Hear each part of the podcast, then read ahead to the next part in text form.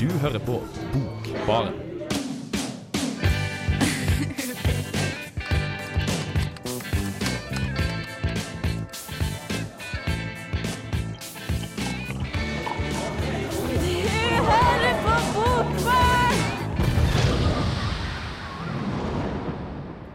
Hallo og velkommen til ukas utgave av eh, Bokbarn. Jeg heter Vida Brenna, og sammen med meg i studio har jeg Eline Bjerkan og Kristine Bangstad Fredriksen. Hei, hei. Hallo.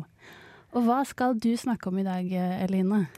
Jeg skal snakke om eh, enda en tegneserie, nemlig Lene Ask sin debut 'Hitler, Jesus og farfar', som har kommet ut på Jippi forlag.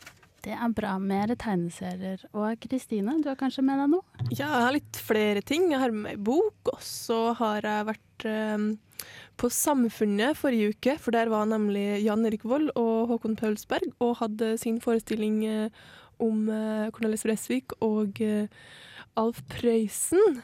Der har jeg vært og tatt opp litt lyd og sånt, så det skal dere få høre om. Og så har jeg også lest 'Du er ikke død før jeg slutter å elske deg' av Didrik Moritz Hallstrøm, eh, debutant fra Cappelen Dam, og den skal jeg også fortelle litt om.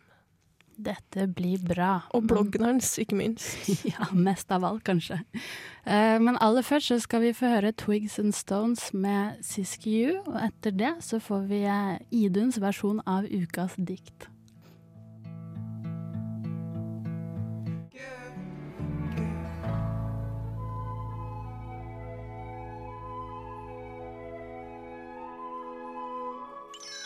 Ukas dikt.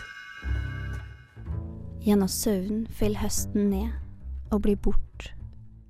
Gjennom søvn kommer vinteren til synes, sakte, stigende gjennom sektflytende søvn. En skoie, en kviskrende vektløs vinter, stig opp til overflata og våkna. Snøkviskrende, islagt, søvngjenga snø som drømmer seg fram, oppreist og hvit, som drømt snø under dekket av søvn. På søvnens underski, som frostrosa så krystallisert drøm, svevende inn i søvn. Hei, det er Pedro Carmona Alvarez. Du hører på Bokbaren på Radio Revolt. Ja, det var altså ukas dikt eh, som Idun var så grei å lage til oss. Hun hadde lest eh, et dikt fra diktsamlingen Dantes okse. Oske. Nei, nei, nei. nei, nei. Oske eh, av Pål Helge Haugen fra diktsamlingen hans Kvartett. Nummer to i denne kvartetten, altså. Fra 2008 på Cappelen Mm. forlag. Fint dikt. Da, Eline, Ja. med mindre du skulle si noe om okser, eh, Kristine. Nei, det var ikke okser jeg skulle si noen ting. Det var det, Oske, eller ja, Pål Helge Haugen er jo um, Idun sin store favoritt, og hun uh, har jo laga ut ukas dikt uh, fra hans uh, samlinger tidligere i høst. Så stor favoritt hos oss, det her, altså. Mm. Mm. Vi står i en særposisjon og kan bare fòre dere med alt det vi syns er bra.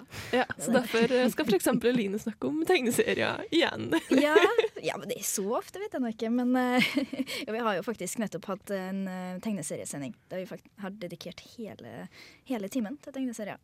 Og likevel har vi ikke fått noe helt ennå. Nei, altså jeg blir veldig nysgjerrig da Når um, ei dame, norsk dame Kommer ut med en uh, ny Ja, gjør debut som tegneserieskaper. Eh, Hun var kunstner og fotograf fra før. Hun heter Lene Ask Og plutselig så har hun bestemt seg for å lage tegneserie. Og, og det er jo ikke, altså i hvert fall ikke damer, så er det ikke så vanlig med i eh, norsk eh, tegneseriefora. Så jeg var veldig spent på det her, og, og det, jeg syns det, var- det var virkelig underholdende å, lese. Også. Det er en veldig, veldig søt tegneserie med søte tegninger og litt sånn naivistisk stil. Og pastell. Ja, veldig, veldig pastell. Veldig sånn fine Det ser egentlig ut som en barnebok, da. Fordi den er veldig sånn Den er i liggende format, så den er, den er, den er brei. Og så har den litt sånn barnslige tegninger og, og pastellfarger. Men eh, ettersom det som vi kanskje skal få høre mer om etter hvert, er at den passer kanskje for dem litt eldre likevel. Hmm, dette blir spennende.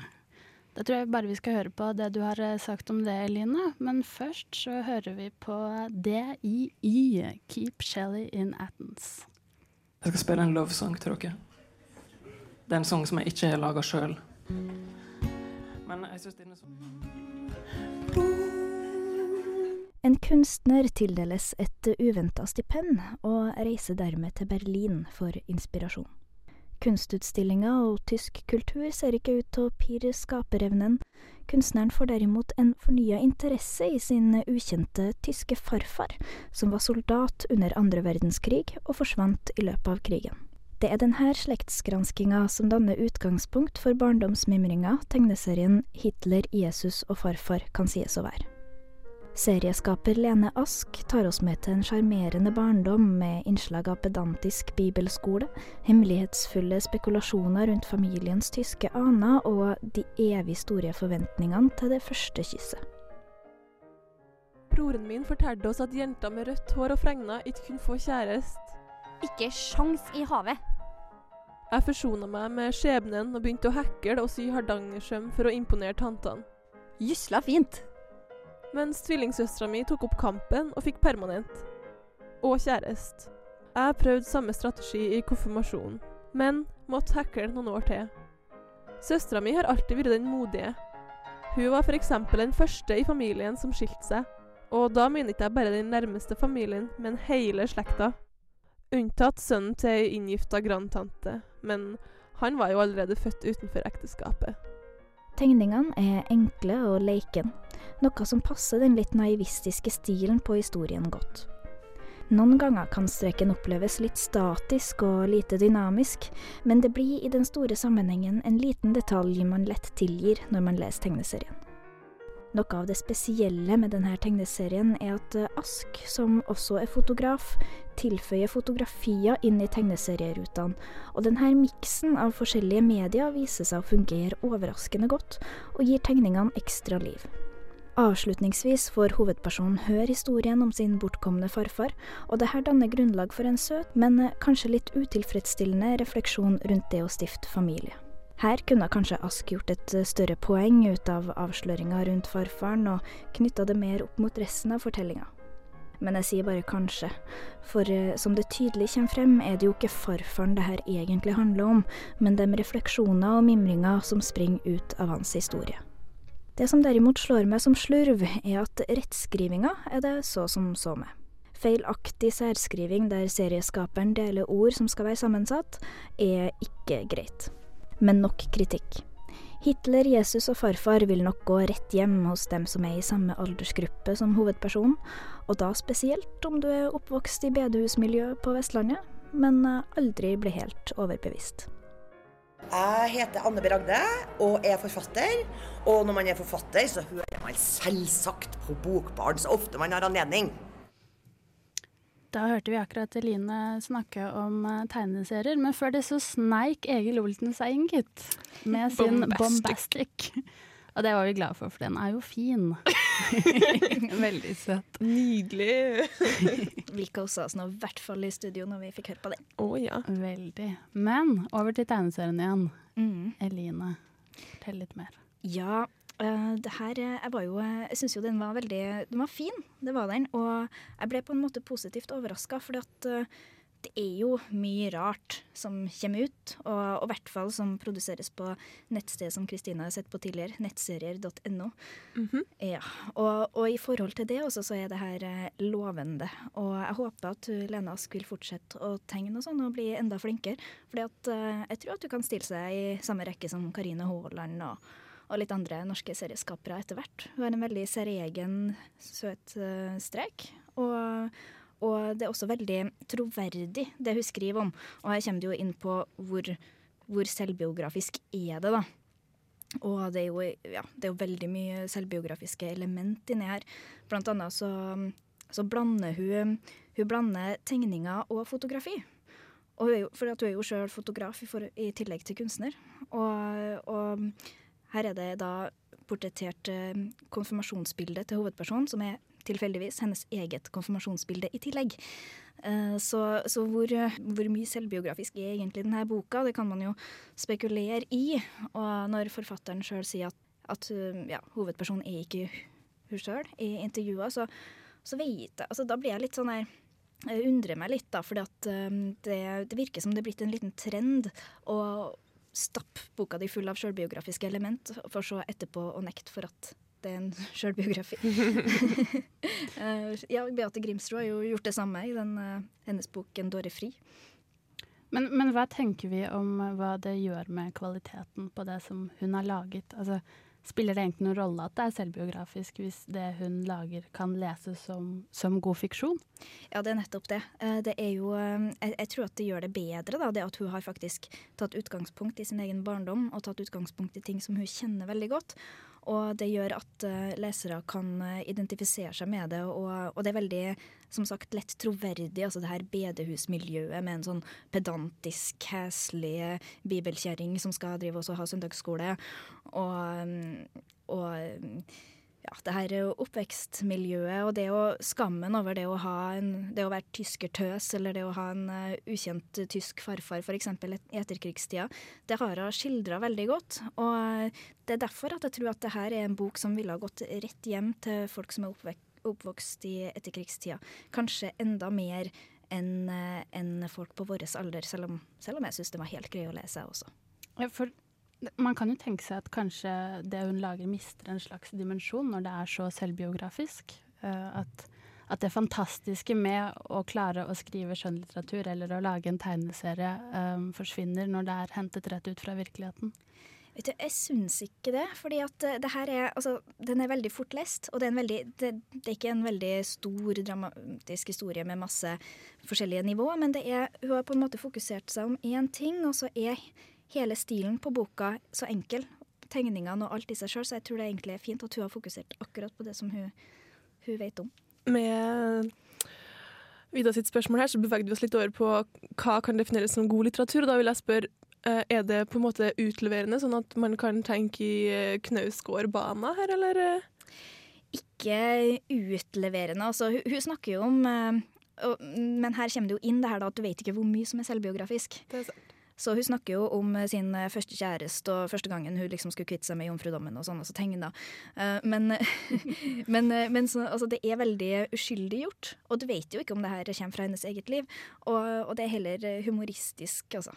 Ja, ja, for hun sier jo ikke sjøl at det her er sant, på en måte. Nei, nei det er det er nok Det som er, virker mest sant, er at hovedpersonen er kunstner og, og rødhåra og konfirmasjonsbildet lignende, og, og det her hele greia med, med farfaren og sånn, da. Um, så nei, det er overbevisende, altså. Det høres jo fint ut med en troverdig tegneserie.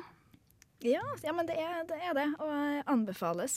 Eneste som jeg, jeg irriterer meg over, da, og det syns jeg virkelig kunne holdt seg for god til, er den her hun har sånn feilaktig særskriving der hun deler opp ord som ikke skal deles. Det er forferdelig fy. Og sånt må man jo egentlig skylde på forlaget for Jippi forlag. Altså det er redaktøren sin eh, jobb å ja, kjøre gjennom språkvask sånne ting. Fy, ja, fy. Det har du vel rett i. Det er jo mm. håndskrevet, da. Det her eh, ja, det er sant. Boblene, men, så, eh, men, likevel. Allikevel. Mm -hmm. Kanskje bare må viske ut hele tegneserien hvis de skal rette det opp. Det kan hende. Jeg vet ikke, jeg, er ganske flink til å viske ut i paint, jeg også. Jeg syns de kunne lært seg det på Jippi forlag også. Ja, eller sånn eh, korrekturlakk går også an. Ja. Men den anbefales, Eline. Det gjør den. Kjempefint. Da går vi videre og skal høre nå, endelig, DIY Keep Shelly in Athens.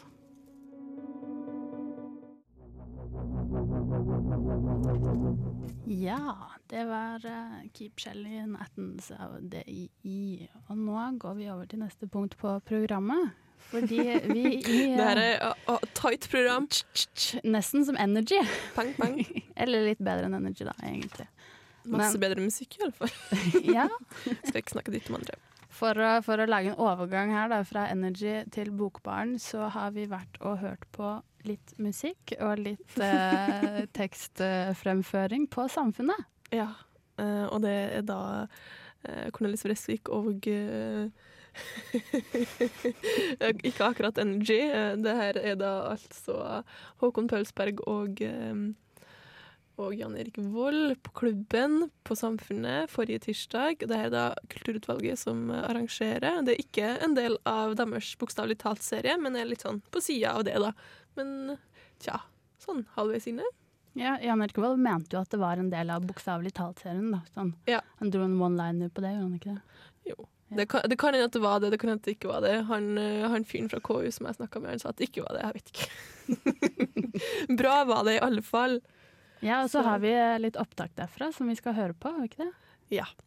Det her er da eh, altså eh, Jan Erik Vold og eh, Håkon Tølsberg. Mhm. Men da tror jeg bare vi tar oss og hører på det. Det blir bra.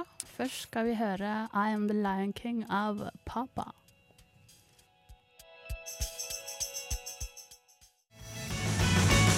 Prøysen og, og Frøsvik er det mye man kan si om. De er jo selvfølgelig veldig ulike, men trubadurer er det begge to. Og, og, og banebrytende for et nytt uttrykk er det begge to. Så jeg pleier å begynne med å si den ene er født like før første verdenskrig, og den andre er født eh, et par år før andre verdenskrig. Den ene kommer fra bygda, den andre kommer fra storbyen. Tirsdag 1. november gjesta Kulturutvalget i klubben på Samfunnet Jan Erik Vold og Håkon Paulsberg. Med deres forestilling så seiler vi på Mjøsa. Prøysen og Fresvik i samme båt. Prøysen, som du vet, eh, vokste opp i en tid da man gifta seg én gang, og det var det. Cornelis eh, ble gift og skilt tre ganger. Frierier og, og eh, tilnærmelser til det annet kjønn foregikk på den ene måten på si 20-tallet, 30-tallet, og på en helt annen måte på 50-tallet, 60-tallet. Så disse tingene kontrasterer vi, men hele tiden med bakgrunnsforståelsen av at Prøysen er jo den som har etablert visekunsten som en uh,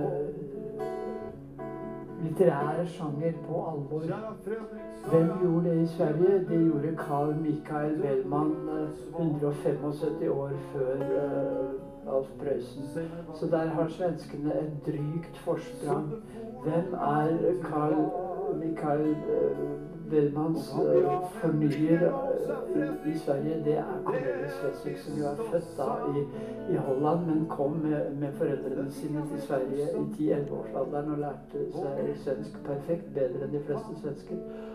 Og, og det var tur for alle involverte at han kom til et land med en så sterk uh, visetradisjon som han da kunne uh, gå rett inn i og, og, og fornye. Så, så vi har altså Bellmans fornyer i Sverige, og vi har Bellmans uh, parallell i Norge.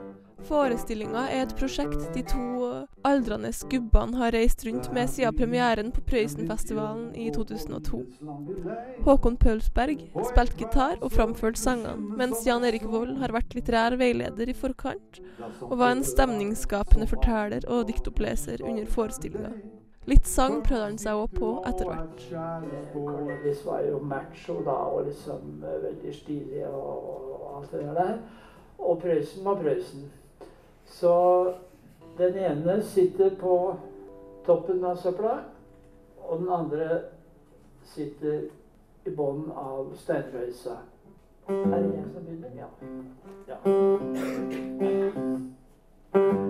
Her er vi, her er vi på, på midten av 60-tallet, og det er den første visa på den første LP-en til, til Cornelis, og den heter på en soptipp'. Og, og skal dra noen av strofene her, da. Og dette er et tidsuttrykk. Vi var redde for atombomben og mye annet rart. Og alt dette fikk han uttrykt, og det han sier er like aktuelt den dag i dag som folk har glemt atombomben, så fins den jo som sagt.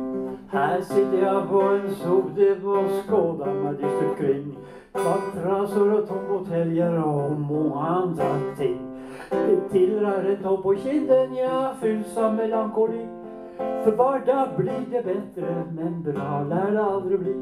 For hver dag blir det bedre, men bra lær det aldri bli.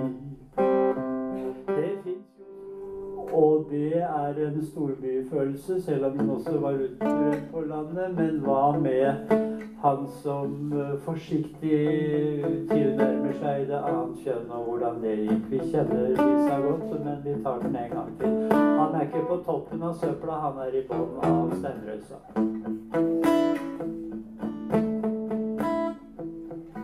Da økta var slutt og kveldssola brant Steindrøysa ned i bakken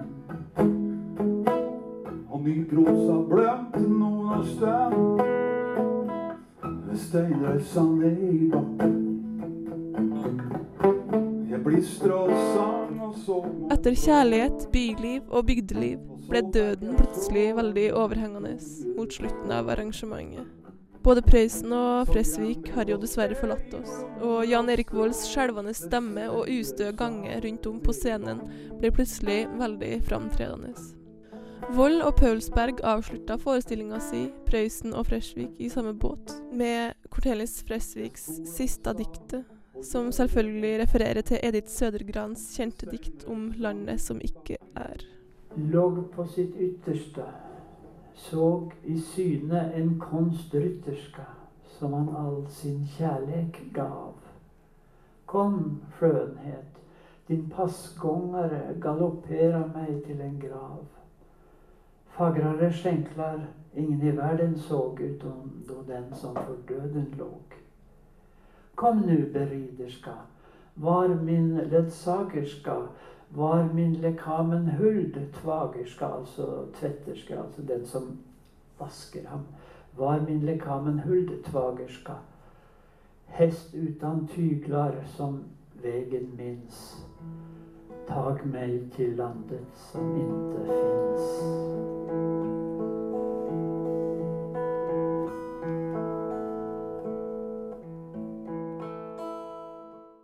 Hei, dette er Jostein Gaarder. Du hører på Bokbaren i Radio Revolt.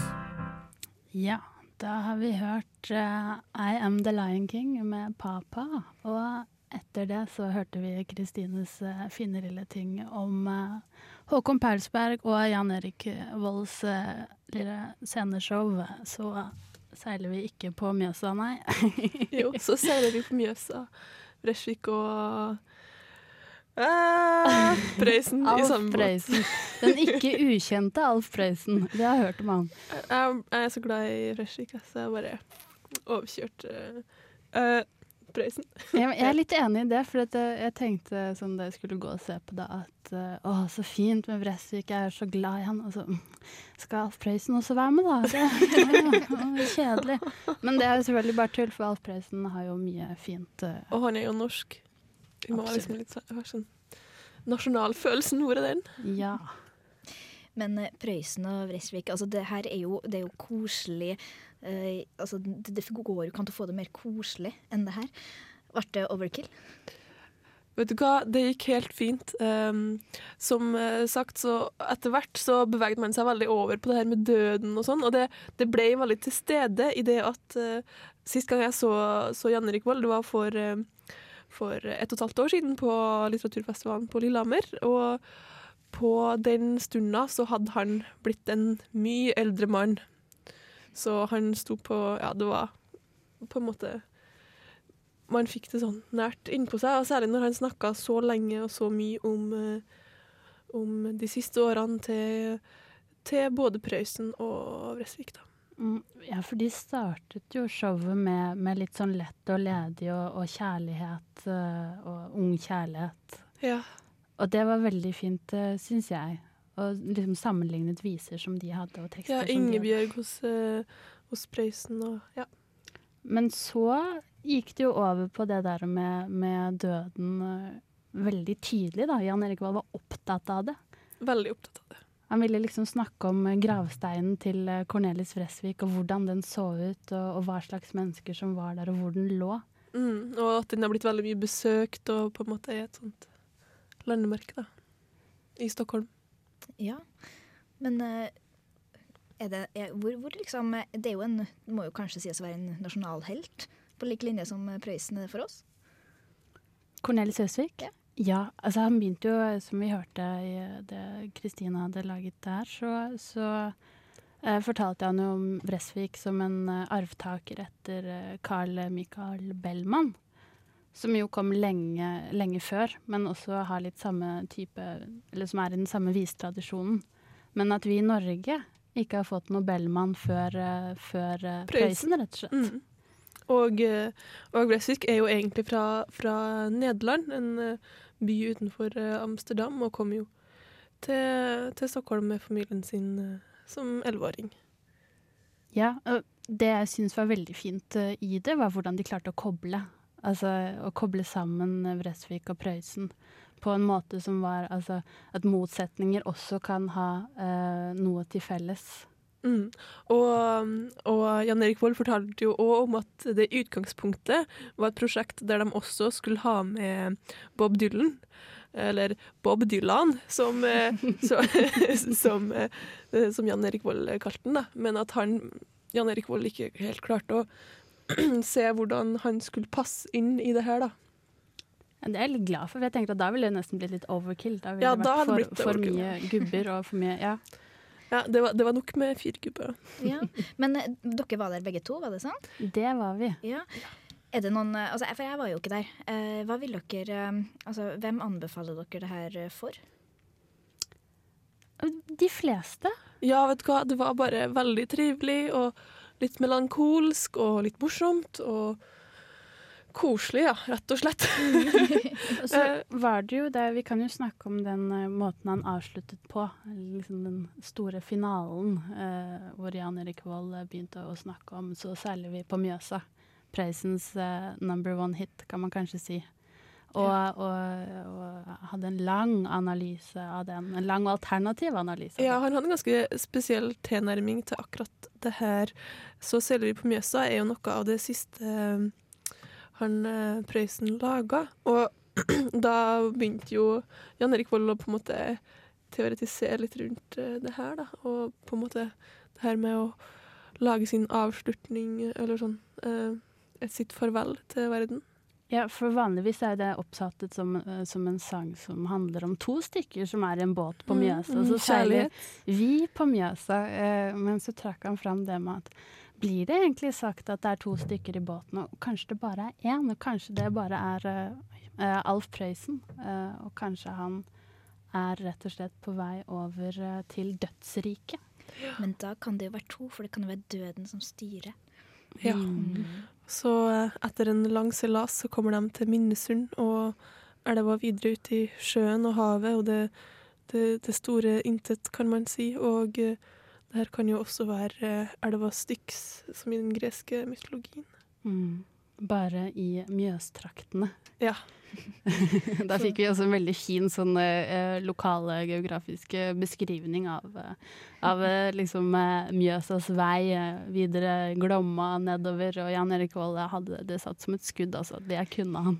Og det var også ganske underholdende, fordi at eh, Jan Erik Vold fortalte om at det her at Alf Prøysen var veldig eh, hadde vannskrekk, kan man si. Så det her veldig kjente fotografiet av han der han er, er ute på Mjøsa, der han sitter og spiller gitar i, i en båt, det er i en situasjon der Alf Prøysen er livredd og er kjempeskremt. Så sjøl så seiler han kun én gang på Mjøsa, og det var den anledningen det bildet ble tatt av en journalist.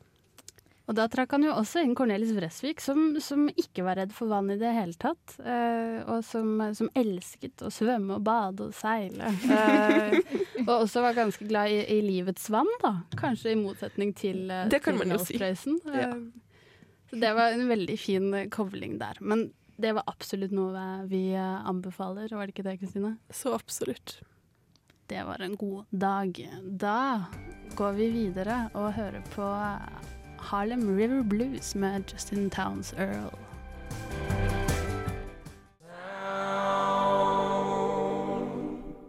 Jepp. Det var eh, Justin Towns Earl med Harlem River Blues. Det er så koselig, fordi at jeg var nemlig på konsert med vedkommende i sommer, det var veldig deilig i Danmark, på Roskilde. Åh, Det er veldig imponerende at du husker noe av det, Kristine. Flink for deg. Justin Towns Earl. Kjempebra. Men eh, du har også kanskje lest en bok eh, i det siste? Ja, jeg har ikke bare vært proskete. Det er jo en stund siden. Men uh, nylig så har jeg lest en bok, og den heter 'Du er ikke død før jeg slutter å elske deg', og er skrevet av Didrik uh, Moritz Hallstrøm. Um, så jeg leste denne boka her, og, og ble på en måte veldig glad i den, da, fordi at den uh, er godt skrevet, bortsett fra en del skrivefeil som man igjen kan skylde på forlaget for. Uh, og på en måte Det er en veldig sånn var og fin kjærlighetsfortelling som handler, handler om livet og døden og de her eh, på en måte sentrallyriske temaene. Og de har, den eh, boka har veldig mange sånn ufullstendige setninger som gir den et slags sånn lyrisk eh, preg, da. Mm. En roman for mørke høstkvelder, hørtes ut som. Ja, det, det her er virkelig en bok man kan uh, kose seg med og være litt trist med. Og, og ja Litt sånn klisjéaktig. Kose seg med te og bok. Men uh, den, den uh, Jeg likte den ganske godt. Det, altså Jeg er jo fra bygda, jeg må jo si det, og det her er jo på en måte en Oslo-roman. Didrik Moritz Hallstrøm eh, er jo debutant. Eh, han er vel 27 år, hvis jeg ikke husker helt feil. Og, og eh, inni bokcoveret så står følgende Didrik, Didrik Moritz Hallstrøm, født 1984, er fra Oslo. Før han dro fra byen, jobba han som DJ og treningsinstruktør. Da ble jeg veldig skeptisk. Videre, nå bor han i Volla, hvor han driver sitt eget reklame- og designbyrå. Og så er det et bilde av, eh, av en fyr med, med sånn Hva var det Vi har en hipster eh, her i Radio Revolt som, eh, som har sendinga før oss, Blyforgiftning. Aksel. Han sa Hva har han kalt den T-skjorta her han har på seg? Jeg kommer ikke fra byen, jeg vet ikke hva sånt heter. Åh, hva var det? Det var noe med utringningen, var det ikke det? Jeg tror noen vet det. Jeg tror det var doucheneck. Ja, takk, til tekniker. Veldig bra. Teknikeren huska det. Takk, Bendik Bolme. Uh, ja, dusjnøk. Og han har også de her tanktoppene med sånn skikkelig utringning og masse tatoveringer under som han da viser fram. Og langsminka. Ja. Men apropos design, altså jeg har drevet også studert den boka her fra Herre sitt, og hva i all verden er det på omslaget? Det, det er ei dame med ekstremt blondt hår, eh, og den er veldig sånn fada ut. eh, type eh, overivrig Photoshop-opplegg. Eh, eh, ja, så den er egentlig ganske hvit. Ja, Men det er veldig blond dame der også. Her, altså Denne kjærligheten får han ikke helt tak i, da. Den er litt sånn langt unna. I hvert fall ut fra coveret. Ja, men det er det som er handlinga i boka. Eh, Det, det handler om Iben og Daniel. eh, eh, Og Iben dør i en bilulykke. Det, de har et kjærlighetsforhold, de bor sammen. Og men han her Daniel da er kanskje DJ og treningsinstruktør. Nei, det er han ikke. Han, han, er, han er skuespiller. Ikke, ikke veldig vellykka, men sånn på vei oppover. Eh, Og, eh, og Iben er overklassejente, driver med kunst, har en rik far, streng far. Mens Daniel på en måte er fra østkanten, hvis jeg ikke husker helt feil, og jeg er ikke kjent i Oslo. Um, I alle fall så, så krasjer det her litt, og hans kjærlighet til Iben, som da er død, er det boka kretser rundt. Også hans festing på Ibiza, osv. Hmm. Det høres ut som en ganske sånn typisk, eh, litt eh, klisjépreget eh, sånn, måte å sette to karakterer opp mot hverandre, da. Ganske Romeo og Julie-preg, egentlig. Ja. Ja. Men uh, i, i anmeldelsen, anmeldelsene av denne boka så har det blitt trukket fram at det på en måte er en sånn Oslo-beskrivelse. da. Og, og da kan man jo snakke om Knut Hamsun og Kristiania. Eh, fordi at på en måte man kan kjenne igjen stedene, man kan følge hovedpersonen rundt om i byen. Mm. Fra treningssenter til fylla ute på byen. Når vi kommer inn på det med, med treningssenteret, så kommer vi også inn på personen som har skrevet boken. Ja. og det, det ødela hele leseropplevelsen for meg. Jeg må bare si det. Fordi at, at, eh, at eh, Didrik Moritz Hallstrøm, han, eh, altså på hans eh, forfatterprofil på cappelendam.no, så, så har han er debutant, så han har kun én bok eh, foreløpig. Og, og den er ganske god, også, syns jeg. Eh, men han har også ni bilder av seg sjøl. Og det er vanlig å ha forfatterportrett på, på sida, men kun ett. Ni? Ja, det, det bruker å være motsatt, at man har ni bøker og ett portrett, men han har ei bok og, og ni portretter. Har han fått plass til Ja ja. Okay. Hvordan var de, de bildene, Kristine? Nei, han, hva, hva var det du kalte Bendik, eh, tekniker? Jeg, jeg tror ordet som ble brukt, var doucheneck. Ja, han har sånn doucheneck på, på, på alle bildene, og, og har samme ansiktsuttrykket og litt sånn gapende gullfiskmunn. Og um, ja. Hvis jeg kan få si noe, så så jeg bildene, og det kan virke som han faktisk har leid en eller annen fotograf for å ta masse pene bilder av seg selv for å legge ut på den sida, da. Det er nok det som har skjedd. Da blir det litt nærliggende å tenke Kan jeg lese en bok som denne personen har skrevet, eller Altså, les denne boka før du sjekker ut bloggen hans.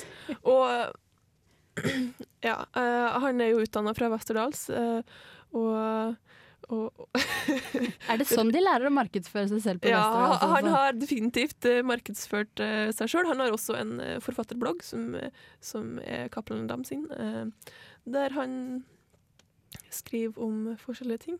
Eh, det siste innlegget hans, eh, som var for to dager siden, altså på søndag 6. november, da forteller han om eh, katta Joppi, hvis jeg ikke husker helt feil. var det? Ja, det var det. Jeg leste som den, jeg også. dessverre ble overkjørt. Hva, det jeg ikke skjønner helt, og det kanskje dere kan svare meg på, er hva er poenget med disse forfatterbloggene? De har jo allerede utgitt en bok. Skal de lage et eller annet sånn meta om bøkene de skriver? Eller skal de bare si hva de gjør i det daglige, sånn som at katten hans dør, da? For det var jo det han hadde skrevet om sist. han, han skrev jo om det på en veldig sånn poetisk uh, måte. Han fortalte at uh, han uh, plukka opp katta som da var, var stiv, og, eh, og putta den i en pose. Gikk til jobben, kasta den i søpla der, og himmelen var blå, havet var blått. Alt var fuckings blått. Kanskje forfattere skal holde seg til å skrive bøker istedenfor blogginnlegg. Ja, kanskje internett ødelegger leseropplevelsen vår. Det er kanskje det som har skjedd der med Kristine, etter at du så disse bildene. Ja. ja. Skal vi bare konkludere med det? Så går vi videre til eh, Tobacco Road med The Barefoot Movement.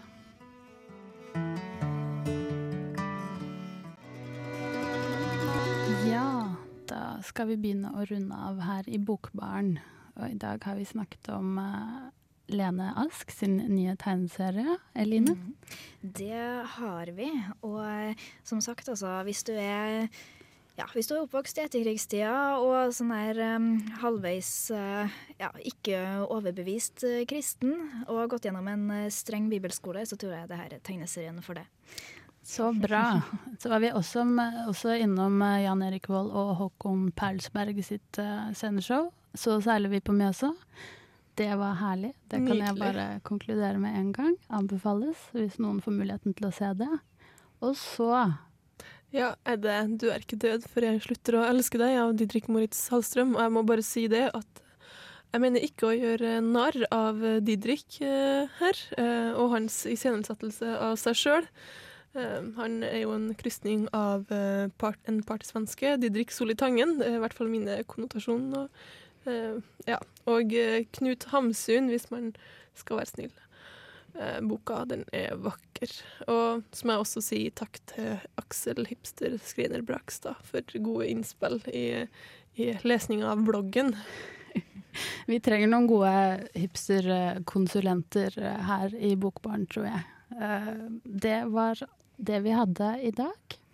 I studio har vi vært eh, Eline Bjerkan, Kristine Bangstad Fredriksen, meg, Vida Sundset Brenna, og vår herlige tekniker som har hjulpet oss med litt uh, klesinformasjon i dag. Eh, Bendik Bollmann, takk til deg. Tusen takk, Vida.